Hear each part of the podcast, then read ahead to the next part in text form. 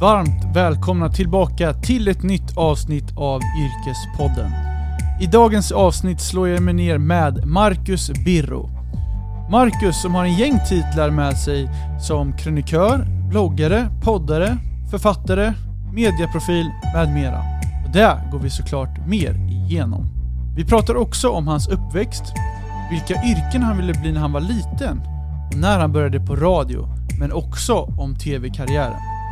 Idag fortsätter han att skriva på sin roman, han poddar och han skriver krönikor. Vi börjar faktiskt Yrkespodden med en liten faktaruta för att lära känna Marcus lite bättre.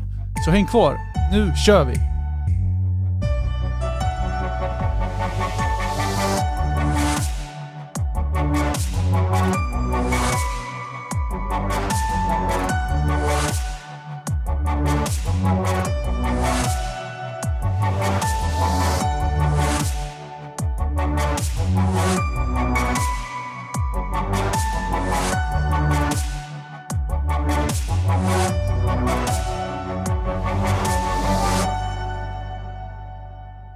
Ja men vad fan, vi, vi hoppar väl in i det direkt då? Tycker jag. Ja, Vi fick till det till slut. Ja, kan vi säga till dem. Vi har, hållit på sedan i februari va? ja det är skönt att ändå få igång det. Så eh, nu kör vi. Eh, välkommen till Yrkespodden Marcus. Tack så mycket.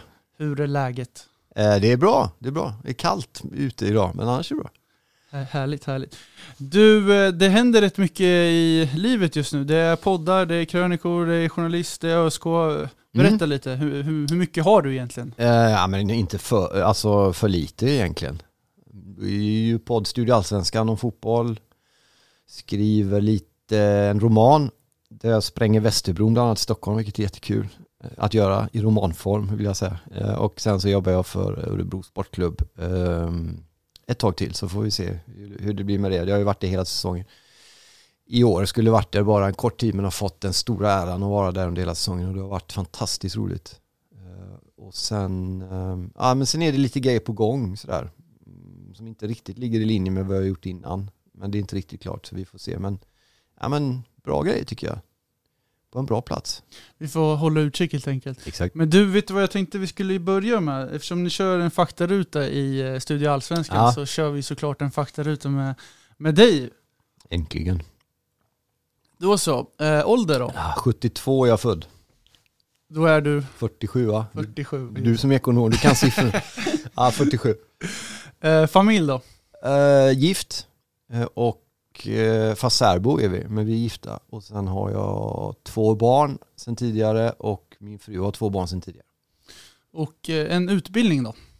Nej, det har jag ingen. Gymnasiet kanske? Gymnasieutbildning har jag, absolut. Gymnasiet. Och sen pluggar jag 20-30 poäng religion på universitetet efteråt. Okej. Eh, vart bor du då? I Stockholm. Lön? Är just nu sen två månader inte en spänn.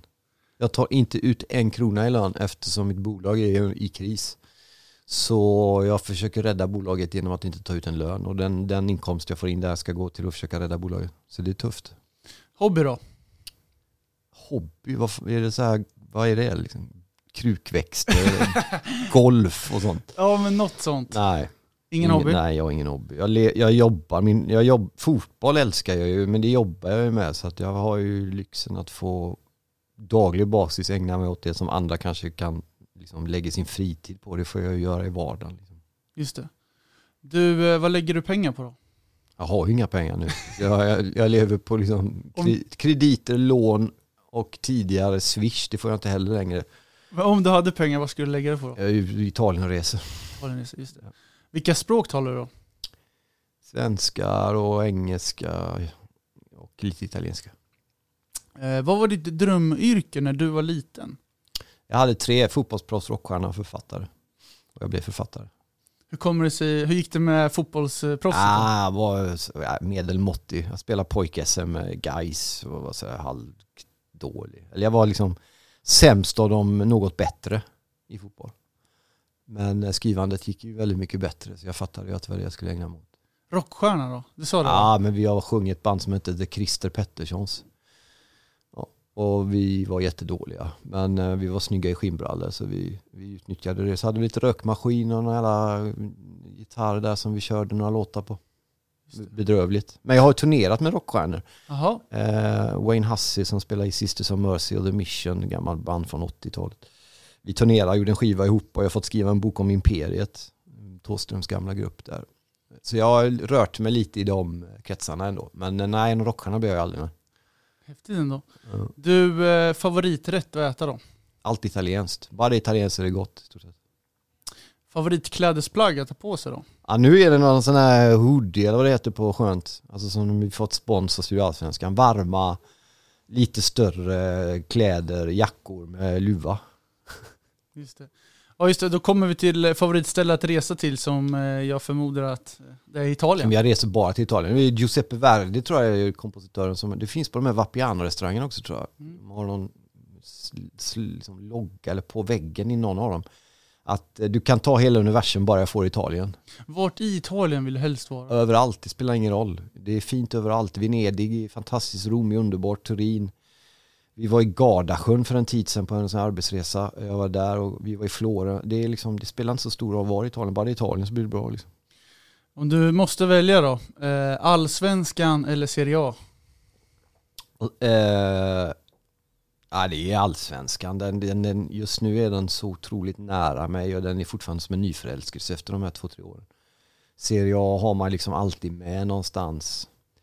Men ehm, det som är så fint nu är ju de så kallade två, tre skärmarna som vi kallar det, va? när man ser båda. Man kan ju se båda om de spelar samtidigt. Liksom.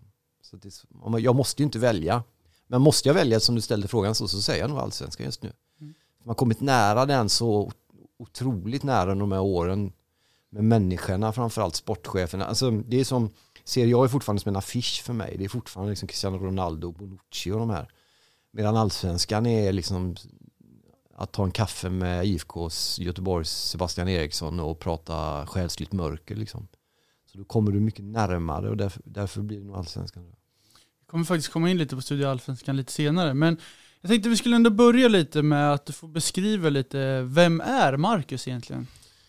Går ju i terapi nu så att jag försöker ta reda på det. Hon frågade mig det också. Jag har ingen riktigt bra svar på det. Eh, hon, hon sa att jag har pratat med folk runt omkring. Alla ger en bild av dig och sen finns det en offentlig bild av dig som inte stämmer. Och vem känner du att du är i det och sådär.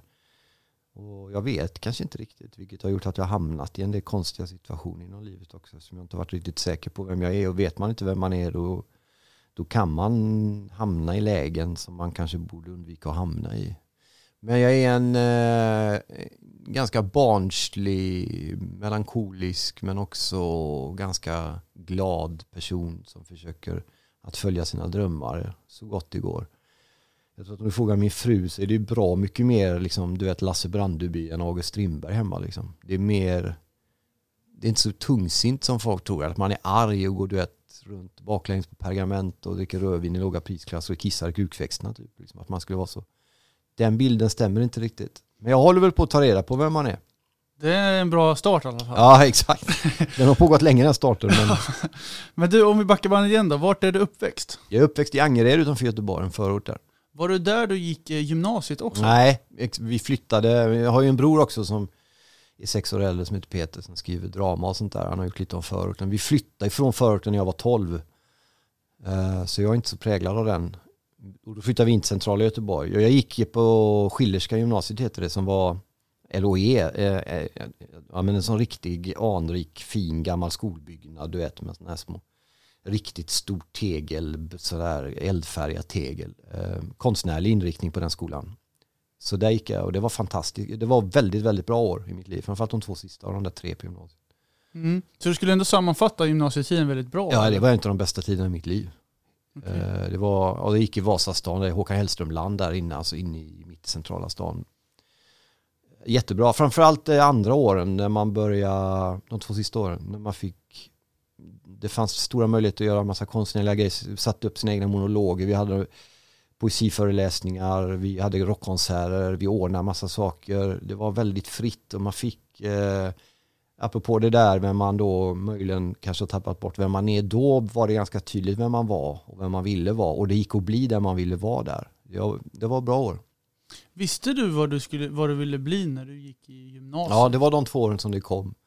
Då upptäckte jag också att jag var bra på att skriva. Det hade jag i sig upptäckt innan, att jag var bra på att skriva.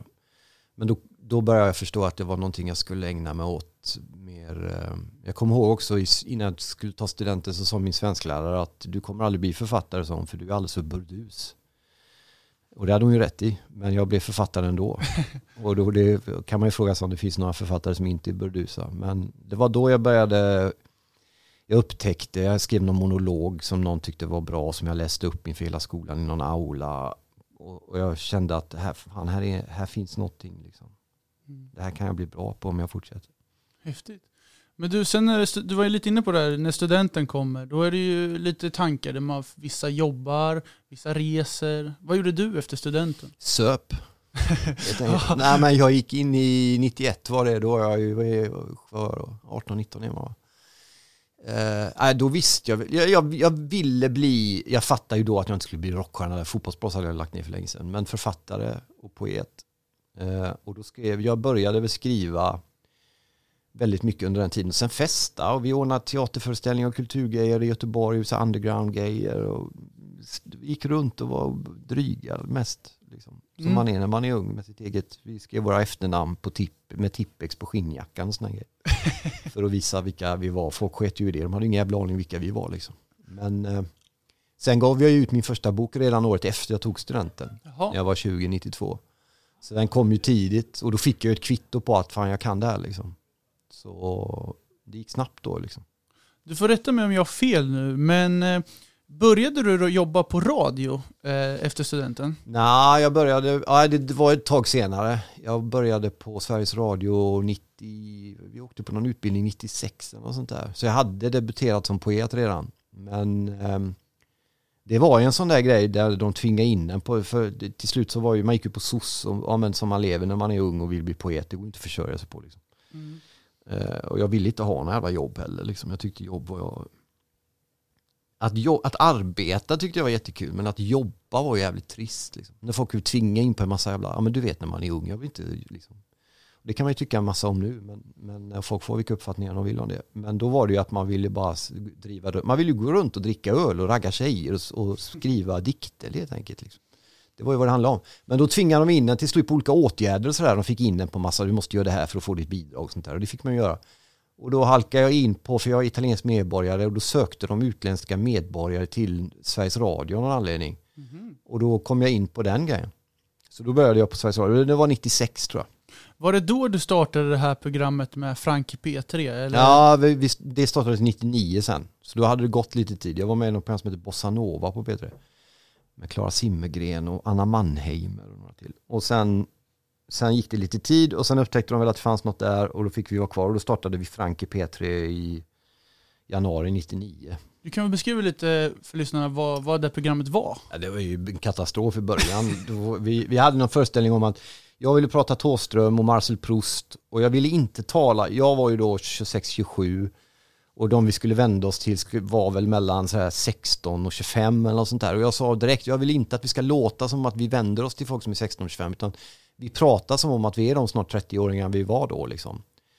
Eh, och det funkar väl i början. Men sen så hade vi lite så här poesiinslag. Sen började det gå mycket bättre. Så efter något halvår där hade vi fått fason på det där. Och det vi hade väldigt många lyssnare ett tag. Vi hade något som heter Poesi på minuten bland annat. Där folk ringde in och fick läsa en dikt. Och sen skulle jag liksom analysera. Det låter ju sådär halv. Men det blev en sån här mega. Det var skitstort då. Mhm. Så det var kul. Det gick väldigt, väldigt bra. Hur länge håller ni på med det här då? Vi höll på med det i tio år nästan. 07 la jag, bytt, då hade jag flyttat Norrköping och då började jag jobba med P4 istället. Men jag kommer ihåg att jag uppträdde på Arvika-festivalen som var en sån här, den finns inte kvar längre, men det är någon sån här special underground, ja men det var svåra, du vet, tyska industriband som kom och kastade grejer på plåt och såna skit. Svåra, svåra grejer. Där var jag och läste dikter 2002. Och då hade vi haft Frank och då hade, gått, då hade Frank gått bra under några år. Och jag kom dit och jag skulle till ett tält och det var helt smockat med folk du vet hur mycket folk som helst, kravallstaket och vakter och skit. Och jag gick förbi och tänkte fan det är ju Håkan Hellström eller någon jävel som ska in där. Liksom. Och då var det jag som skulle upp och läsa dikter där. De hade kommit dit för min skull och då förstod jag ju att det här jävla radioprogrammet hade haft impact. Liksom. De här tre åren när man bara jobbar, jobbar, jobbar där. Och så kommer man ut och så upptäcker man alla de här. Det var ju lyssnare till programmet då, det var ju därför de kom för att se någon som de hade lyssnat på i radio. Liksom. Inte för att jag läste så väldigt mycket bra dikter men då fattade jag vilket genomslag det hade fått. Men var det nervöst att börja och jobba på radio? Det är ändå ganska offentligt jobb. liksom. Första dagen var fruktansvärd kommer jag ihåg. Jag var förkyld, hade inga smaklökar minns jag, för jag skulle äta någon macka när jag var så nervös. och det hör man, eh, för det var när vi gjorde sista programmet sen 07 eller något sånt där, var alla samlade igen och mm, du vet sådana här man gör. Och då lyssnade vi på första sändningen och sådär, man hör hur jag, hur nervös, jag hör hur nervös jag är. Eh, för det, jag menar, det, då, jag vet inte hur det är nu, men, men P3 då var ju liksom, det var jättemycket folk som lyssnade. Liksom. Det är du nu också, det är bara jag som är gammal. Liksom. Men du, eh, du gjorde inte bara du skrev också krönikor i P3, var det inte så? Vi hade, ja precis, radiokrönikor i Frank hade jag ju. Mm. vilket tid var väldigt kul att skriva texter som var menade att läsa upp, för det är ett annat sätt att jobba på då. Men det var skit och det blev jag väldigt, det var jag bra på. Och det tog jag vidare sen 10-12 år senare när vi gjorde Karlavagnen i P4 för en mer mogen publik, om man ska säga då, eh, vuxna. Sådär. Då hade vi det och då hade jag tre krönikor per program tror jag vi hade i Karlavagnen. Och vilket också var väldigt uppskattat. Så det, var, det är ett jävligt bra sätt att, att nå människor med i radiokrönikor. Hur hittar du liksom inspiration till att skriva de här krönikorna? Vad, vad Kärlek, omständigheter, musik, poesi, konst. Ibland hade vi olika, när det gäller Karlavagnen som var mellan 07 och 11 tror jag jag jobbade där. Då hade vi ju varje fredagkväll hade vi, då hade vi ju ämnen varje liksom, program.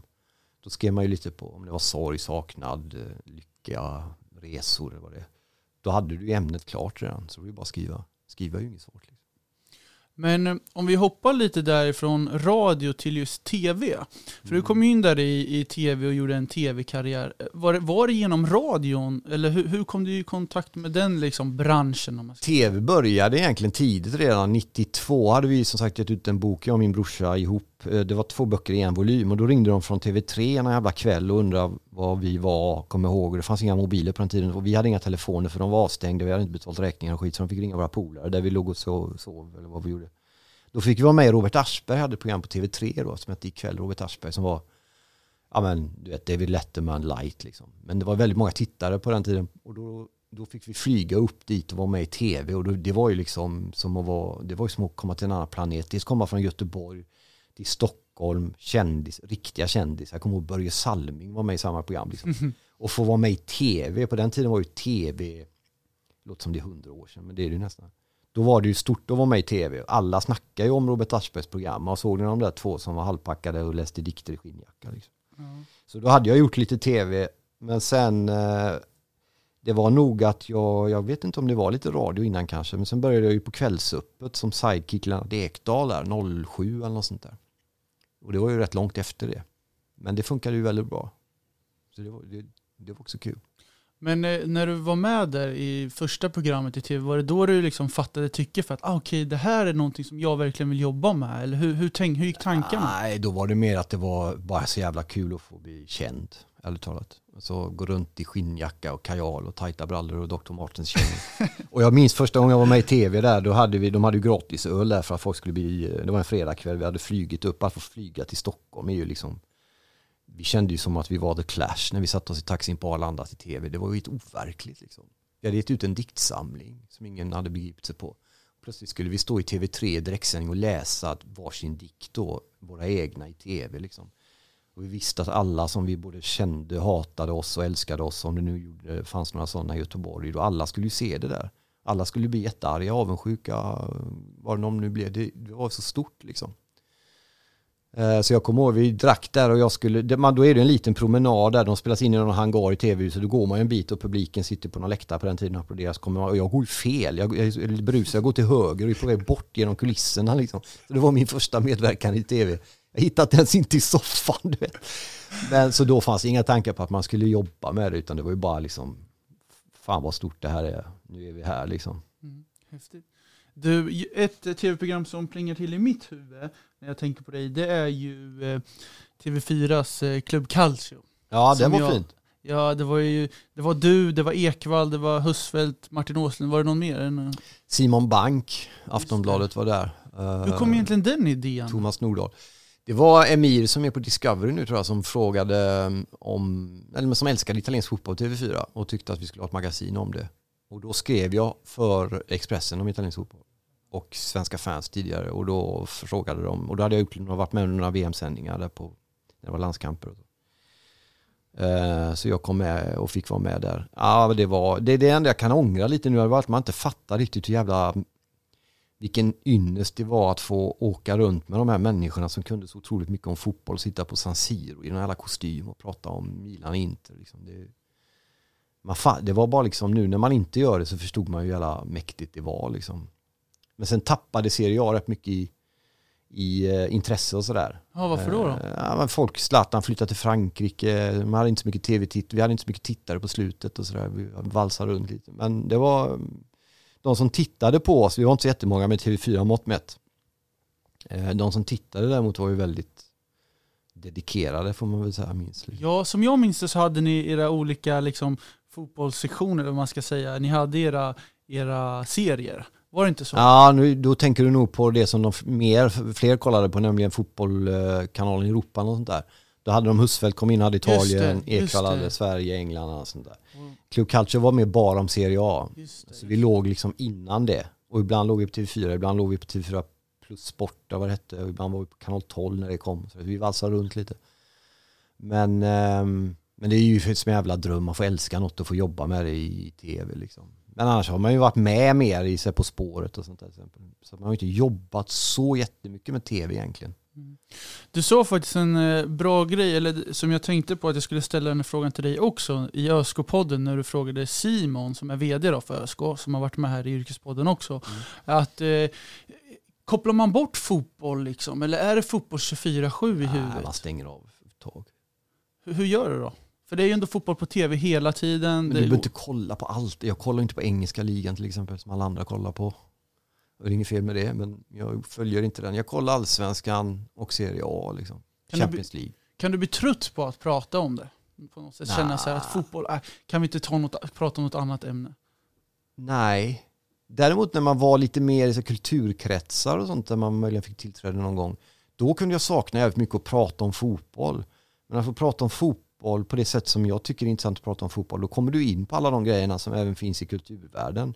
Med tillhörighet, lojalitet, kärlek, sorg, förlust, känsla, eh, du vet, historik, det förflutna. Fram. Allt det där finns med i fotboll. Fotboll rymmer ju så jävla mycket mer än att bara häva i sig tio öl och tappa jeansen och stå och skrika åt någon. Liksom. Vilket också är en del av fotbollen tyvärr i vissa delar. Men för mig är den så mycket större. Den, den, det är ett uttryck för alla känslor du kan ha. Liksom. Mm. Om vi går in lite tillbaka på dina yrken. Du har ju mycket yrken. Du kan titla dig som författare, poddare, programledare, journalist, krönikör, bloggare. Ja. Vad, skulle du, vad skulle du själv titla dig som mest? Vi pratade om det när vi åkte hit innan. Jag är ju författare mest och det är ju det som folk bryr sig minst om av det jag gör. Jag har gett ut 20 böcker eller vad det är vid det här laget. Och det är ju helt otroligt egentligen. Liksom. Det är ett författarskap jag har varit med och bygga upp men det är det ju ingen som vet egentligen. Eller de säljer ju inte så jävla bra helt enkelt. Några har sålt jättebra, några har sålt mindre Det är ingen kris så. Men i och med att man gör så jävla mycket annat, i och med att vi lever i ett land och en tid där folk är jävligt ängsliga med folk som inte befinner sig i, det, i de fack där folk tycker att de ska sitta. Nu sätter vi den jäveln i det facket och har den jäveln mage att flytta på sig så kommer vi bli arga på honom. Det är lite den. Så jag kommer ihåg också när jag var med mycket i media sådär, På spåret eller Let's Dance var väldigt dumt eh, kanske exempel. För det ja det kommer jag ihåg. Ja det var ju värdelöst. Men man fick hela tiden höra av kulturarbetare, så här, mer seriösa författare då än vad jag möjligen kan vara. Att, var inte med där, gör inte det. Och också det du var inne på innan här med fotboll, skriv inte så mycket om fotboll. Håll dig till, liksom, du vet, bli inte för jag, jag har jävligt svårt för sånt. Jag, jag tycker illa om den skiten. Liksom. Jag vill göra grejer. Och jag har fått chansen att göra väldigt mycket och en del grejer har jag till och med gjort jävligt bra. Så jag är bara otroligt glad över att få ha gjort alla de här grejerna du räknar upp. Liksom. Men i grunden ser jag mig själv som författare, alltså skribent, skriftställare som man förr i tiden. Alltså någon som skriver grejer. Mm. Ja, för att eh, du är ju uppenbarligen rätt duktig, eller du är duktig på det, för du har ju vunnit mycket priser. Du har ju bland annat vunnit Litteraturklubbens stora litteraturpris, Nöjesguidens pris, Dan Andersson-priset, Årets Östgöte. Ja, det är ju bara att fortsätta. Det är jättemycket utmärkelser. Hur känns det ändå att få de utmärkelserna? Då, då vet man ju att man är bra på någonting kanske. Ja, det känns mycket bättre nu än vad det gjorde när jag vann dem. Även Guldskölden som Sveriges bästa sportjournalist känns ju helt overklig. Liksom. Sen sjabblade jag ju bort en del grejer av min alltså, möjligheter jag hade, kanske en del sammanhang genom en del dumma beslut jag tog och en del grejer jag hamnade i och sådär. Men på det hela taget så känns det ju, det är ju, det är ju fantastiskt att få vara med om och, och vinna alla de där grejerna. Eller Don Andersson-priset, en poet som jag liksom har läst ända sedan jag var typ 13 och få vinna ett pris för att någon tycker att man skriver som han ungefär. Det är ju helt overkligt. Liksom. Så det är svårt att ta in. Men det kan man ju inte leva på heller. Man kan ju inte sitta där tio år senare och säga jag vann Don Andersson-priset för ett antal år sedan. Det är liksom folk skiter ju i det. Men det är klart att det är kul att ha med sig i sitt liv. Du bytte ju rejält ett, eh, ett tag där vid 2010 eh, som yrke, om vi ska gå in lite på politiken då. Mm. Och, och eh, det har ju kanske, eh, du pratar mycket om att du vill skriva och det är där du vill göra, men sen hoppar du på politiken. Jag hoppar egentligen inte på Nej. den. Jag hade någon jävla idé om att jag skulle bli partiledare för KD. Var kom det ifrån? Jag ingen jävla aning. Jag bara dök upp. Och jag reagerade på den och kände att nej, men fan hur svårt kan det vara? Gå runt i kostym och diskutera politik. Sen gillar jag ju politik som, alla, som många gör. Och debattera och skriva och tycka och tänka. Uh, jag var så jävla uppe i allting då. Det, det, var liksom, det var så mycket som hände under väldigt kort tid. Man ska komma ihåg också under, under många av de här åren innan det så hade jag ju ett missbruk i grunden. Jag är ju nykter alkoholist nu. Så jag söp ju jävligt mycket och sen slutade jag dricka så blev jag nykter. Och när det hände 2005 så förändrades mitt liv så i grunden att jag gick ifrån ja, men 150 000 i kronofogdskuld, misär, inget, jag hade inte ett kontokort och då var jag ändå över 30 liksom. Till tre år senare hade jag ett aktiebolag som omsatte 2,5 miljon på egen hand allting. Och det gick jävligt fort, hela den klassresan bara skena liksom. Så när jag stod mitt uppe i det, jag, jag reflekterade inte ens. Det var någon partiledare avvik, jag tänkte vad fan det där kan väl jag göra. Och allt jag gjorde på den tiden blev medialt. Folk journalister tyckte att det var kul att skriva om det och jag kan förstå det. Men jag, jag hade ju blivit en helt värdelös partiledare så det var en jävla tur att jag inte blev. Liksom. Men däremot att skriva om politik och sånt tycker jag är kul och det har jag ju fått betala ett rätt högt pris för för att jag har skrivit en massa saker som alla har inte varit så jävla övertänkta men, men jag var ju ändå tidigt ute med att skriva om en del saker som andra skriver om nu och klarar sig. Jag klarar mig inte kan man säga. Eh, och jag har egentligen inte så mycket att säga mer om det än att det, det är så det är. Liksom. Sen är det några grejer som jag kanske borde ha formulerat på ett annat sätt. Och sen också att jag borde ha varit tydligare med att när man skriver, om man tycker att man har örat mot marken, vilket jag tycker att en journalist bör ha, man bör lyssna på vad folk är förbannade på, vad som händer, strömningar, varför folk är arga och sådär, så bör man lyssna på det och skriva om det. Men det behöver inte betyda att man alltid håller med om det man hör. Och det var jag lite otydlig ibland. Men eh, Nej, men jag kan läsa gamla krönikor från 12-13 innan jag fick sparken överallt. Där jag kan tänka att jag, jag hade ju rätt redan då. Liksom. Kan du någon gång reflektera att eh, om du tittar på hur KD såg ut då och KD ser ut idag. För det har ju blivit en jäkla skillnad och Ebba Busch gör det ju extremt bra måste man ju säga. Så kan du, kan du tänka att det kanske inte var rätt i tiden eller är det något sånt? Jag, jag, har, jag har all respekt i världen för att inte bli partiledare. Jag, KD är inte mitt parti, SD är inte mitt parti, inget av de partierna som finns i mitt parti. Eh, så jag är varken kristdemokrat, sverigedemokrat eller socialdemokrat eller någonting annat. Men nej, jag skulle nog inte gett mig in i det överhuvudtaget. Men jag kan, se, jag kan ju se att eh, jag var bland de första, åtminstone i kvällstidningar, med att skriva på ett visst sätt om vissa saker och våga ta upp känsliga och svåra saker. Om du kollar krönikörer nu för tiden så är det ju ungefär samma jävla, det är liksom, man vet ungefär vad de tycker och de tycker ungefär samma och de pratar om sin jävla värdegrund men i själva verket pissar de på alla som är olika på riktigt. Liksom. Så är det. Du, om vi går in lite på jobb idag eh, så är ju ändå sociala medier ett, ett stort eh, forum där du jobbar även med podd och även med krönikörer. Hur, hur, hur, tycker du att sociala medier kan påverka dig? Det vill säga om du skulle få kritik därifrån eller hat. Hur, hur, hur tar du in liksom? Men det är en skön grej med att liksom inte vara en del av offentligheten längre på det sätt som jag var för ett antal år sedan. Det är så jävla skönt att slippa den skiten. Alltså. Jag får ingen hat nästan alls utav. Jag får inte så mycket kärlek heller. Men det, det är ganska lugnt. Det är otroligt skönt. Det blir liksom utrymme till andra saker att tänka, reflektera och skriva saker. Men sen har jag, jag lär mig hela tiden av, av, att jobba med yngre som jag gör i poddsammanhanget och så med Studio Allsvenskan och annat. Jag lär mig hur man ska jobba med sig på Instagram. Vad är min styrka? Det är att skriva, inte ta bilder. Men ta en bild och skriv en text och lägg upp till exempel. Det var helt, bara fattade jag för någon månad sedan att man kan göra. Så att jag lär mig hela tiden en massa saker. Men att slippa vara i det här jävla åsiktstarmen och gegga liksom. Hur folk ska tycka och du ska vara, man ska vara arg för att någon tycker något annat. Och, jag tycker väldigt lite numera och det är otroligt skönt. Du var lite inne där på just eh, Studio Allsvenskan och på vägen hit så pratade vi lite om eh, ja, men vad händer med Studio Allsvenskan nu när Allsvenskan är klart? Men vi har bara säsong. Det är tre avsnitt i veckan hela året.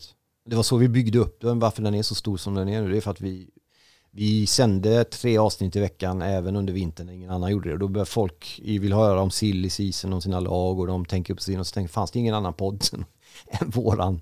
Och då fångade vi dem så vi, vi fortsätter att jobba lika hårt som vanligt. Liksom. Det är alltid säsong för oss. Alltså fotbollsintresset i poddar är ju extremt stort. Var, varför tror du just eh, svenskar vill lyssna på så mycket fotboll? Varför tror du det är så intressant? Det är för att det är lite nytt tror jag. Alltså man, åtminstone, det är svårt om man är yngre än vad jag är, vilket de flesta är numera. Men det är förr fanns det ju liksom ingen rapportering. Det var ju liksom möjligen tvåan, du vet, där det stod resultatet i kvällstidningen dagen efter. Nu kan du ju få så otroligt mycket om ditt lag. Du kan få specifika detaljer. Det är liksom skärskådning och du kan gå in och det är, det är en jävla ynnest och det är mer eller mindre gratis liksom för alla att ta del av och hitta och det där. Eh, så jag tror det är det som gör att folk är så jävla intresserade och lyssnar på det. Och du, eh, du har ju ändå jobbat med ÖSK eh, den här säsongen. Mm. Eh, hur, hur, hur, blir det framöver nu då? Kommer ja, du jobba med ÖSK? Jag vet helt talat inte. Vi får se. Det är utvärdering på alla håll och kanter. Så vi får se. Men oavsett vad så har det varit en av de största yrkesmässiga, inte det som har gjort störst genomslag eller folk kommer liksom sådär för, för gemene man, men för mig har det varit helt unikt. Alltså komma in i en, en du vet, över hundraårig anrik allsvensk klubb i en ny stad eh, som jag inte hade någon relation till innan på det sättet.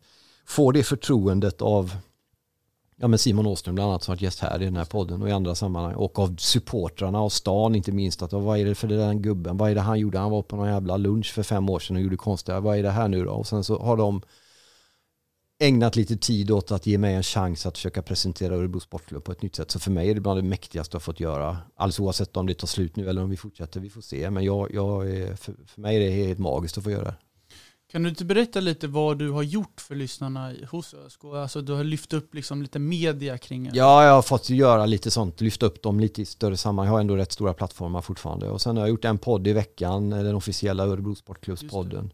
Eh, ÖSK-podden och sen har jag skrivit en krönika minst i veckan och så gjort lite webb-tv och sådär. Och lite däremellan och försökt lyfta och försökt vara en del av arbetet och presentera det för lite fler folk liksom. Utanför stan också. Mm. Så det har varit ett, ja, för mig en stor jävla glädje och ära bara. Jag är så otroligt stolt över att få göra det här. Mm. Vi får väl eh, eh, hålla tummarna då att du blir kvar till nästa Ja, gärna. Vi får se. Det hade varit fantastiskt. Jag är ju själv en stor ÖSK-supporter. Ja, jag, jag, vet det. Ja. du, eh, eh, framtidsplanerna för Marcus Biro, hur ser de ut? Ja, men att fortsätta att varva ner hela den här alltså utåt-grejen. Du vet, inte agera i affekt, inte bli arg för ofta kunna lyssna på P1 om hur vi inte kan, eh, ja men du vet, lyssna på ett nyhets, nyhetsinslag, bli arg, men svära eller banka på någon kudde i en källare och inte skriva. Det är inte, jag behöver inte gå in i det jämt. Eh, det ska jag lära mig. Och sen skriva färdigt min roman. Eh, och sen får vi se.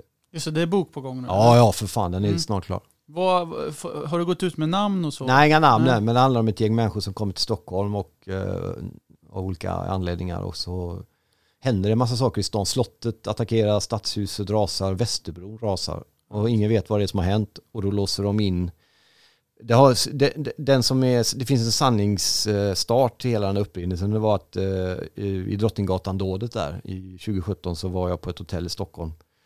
När det hände, i närheten av där det hände. Och då, då stängde hotellet sina dörrar innan man visste omfattningen om det. Liksom, man fick inte gå ut där och det var flera timmar där, de, där det var liksom sådär. Jag tänkte fan det måste jag använda i skrivande någon gång. Så jag använde det eh, som, som i den här romanen. Då. Det är inga islamistiska alltså, terrorister vill jag bara säga för de som möjligen tror det. Det är mer raffinerat än så. Men eh, jag ville ha den som en grund. Och då stänger hotellet sina dörrar och ingen vet vad som händer utanför eller varför det har hänt rättare sagt. Man vet vad som har hänt, man vet inte varför. Och sen så är det massa människor som visar sig ha med varandra att göra trots att de inte visste det. Mm. Låter spännande. Ja, när, när tror du man kommer Någon få... gång nästa år hoppas jag höst antagligen. Det tar sån jävla tid allting med böcker. 2020 ja. Jag har själv aldrig skrivit en bok men det måste vara fruktansvärt. Alltså, det tar tid. Ja, det tar tid. Framförallt efter man har skrivit den tills den kommer ut så ska det planeras och hållas på. Liksom. Har du något förlag du jobbar med? Eller? Ja, jag har jobbat tidigare med Blad by Blad heter de. En Annika där. Vi får se hur det blir med den. Men ut kommer den. Mm, snyggt. Du, eh, vi ska faktiskt ta avrunda det här. Just det. Men vad trevligt att det blev av. Ja. Och jag vill tacka dig, det är kanske de som inte lyssnar inte bryr sig om, Det är ju ett fantastiskt tålamod. Han har varit vänlig, jag har bokat av, hamnat fel, kommit snett, skulle åkt hem, barn blivit sjuka i ja, sju månader. Ja, men du, du ska faktiskt göra som för all, alla andra gäster får göra i Yrkespodden och det är att du får ge lite tips. Ja. Eh, och då tänker jag att du ska få ge två eh, riktigt bra tips till just det yrket som du eh, titlar dig mest som och det är ju författare. Ja. Så om du skulle ge ett, eh, alltså två tips då. Ett första tips hur man lyckas med att bli författare.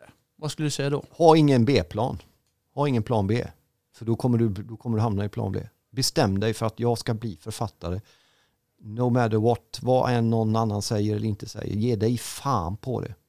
Snyggt. Och ett sista avslutande tips, vad skulle du säga då? Läs mycket, skriv mycket, våga låta någon annan läsa det du skriver. Det blir fler än ett. Men det är ändå liksom på samma plan halva typ. Två superbra tips av Marcus Birro i Yrkespodden. Du, eh, återigen, tack så jättemycket Ja, för att du var med. Tack för tålamodet att jag fick komma. Det var jättetrevligt. Tack så jättemycket. säger vi hej då. Hej hörni, Jens här från Yrkespodden. Hoppas ni tycker om podcasten och se till att prenumerera på Yrkespodden i din poddapp. Det finns på Spotify, iTunes, Acast, Soundcloud. Ja, ni vet, där alla poddar finns. Jag finns också på LinkedIn, Jens Jangdin, och även på Instagram, där jag också heter Jens Jangdin. Och stort tack till min högra hand som klipper min podd, Sebastian Myrdal. Har ni frågor angående klippa podcast så ska ni höra av er på sebastian.myrdal.gmail.com. Tack så mycket!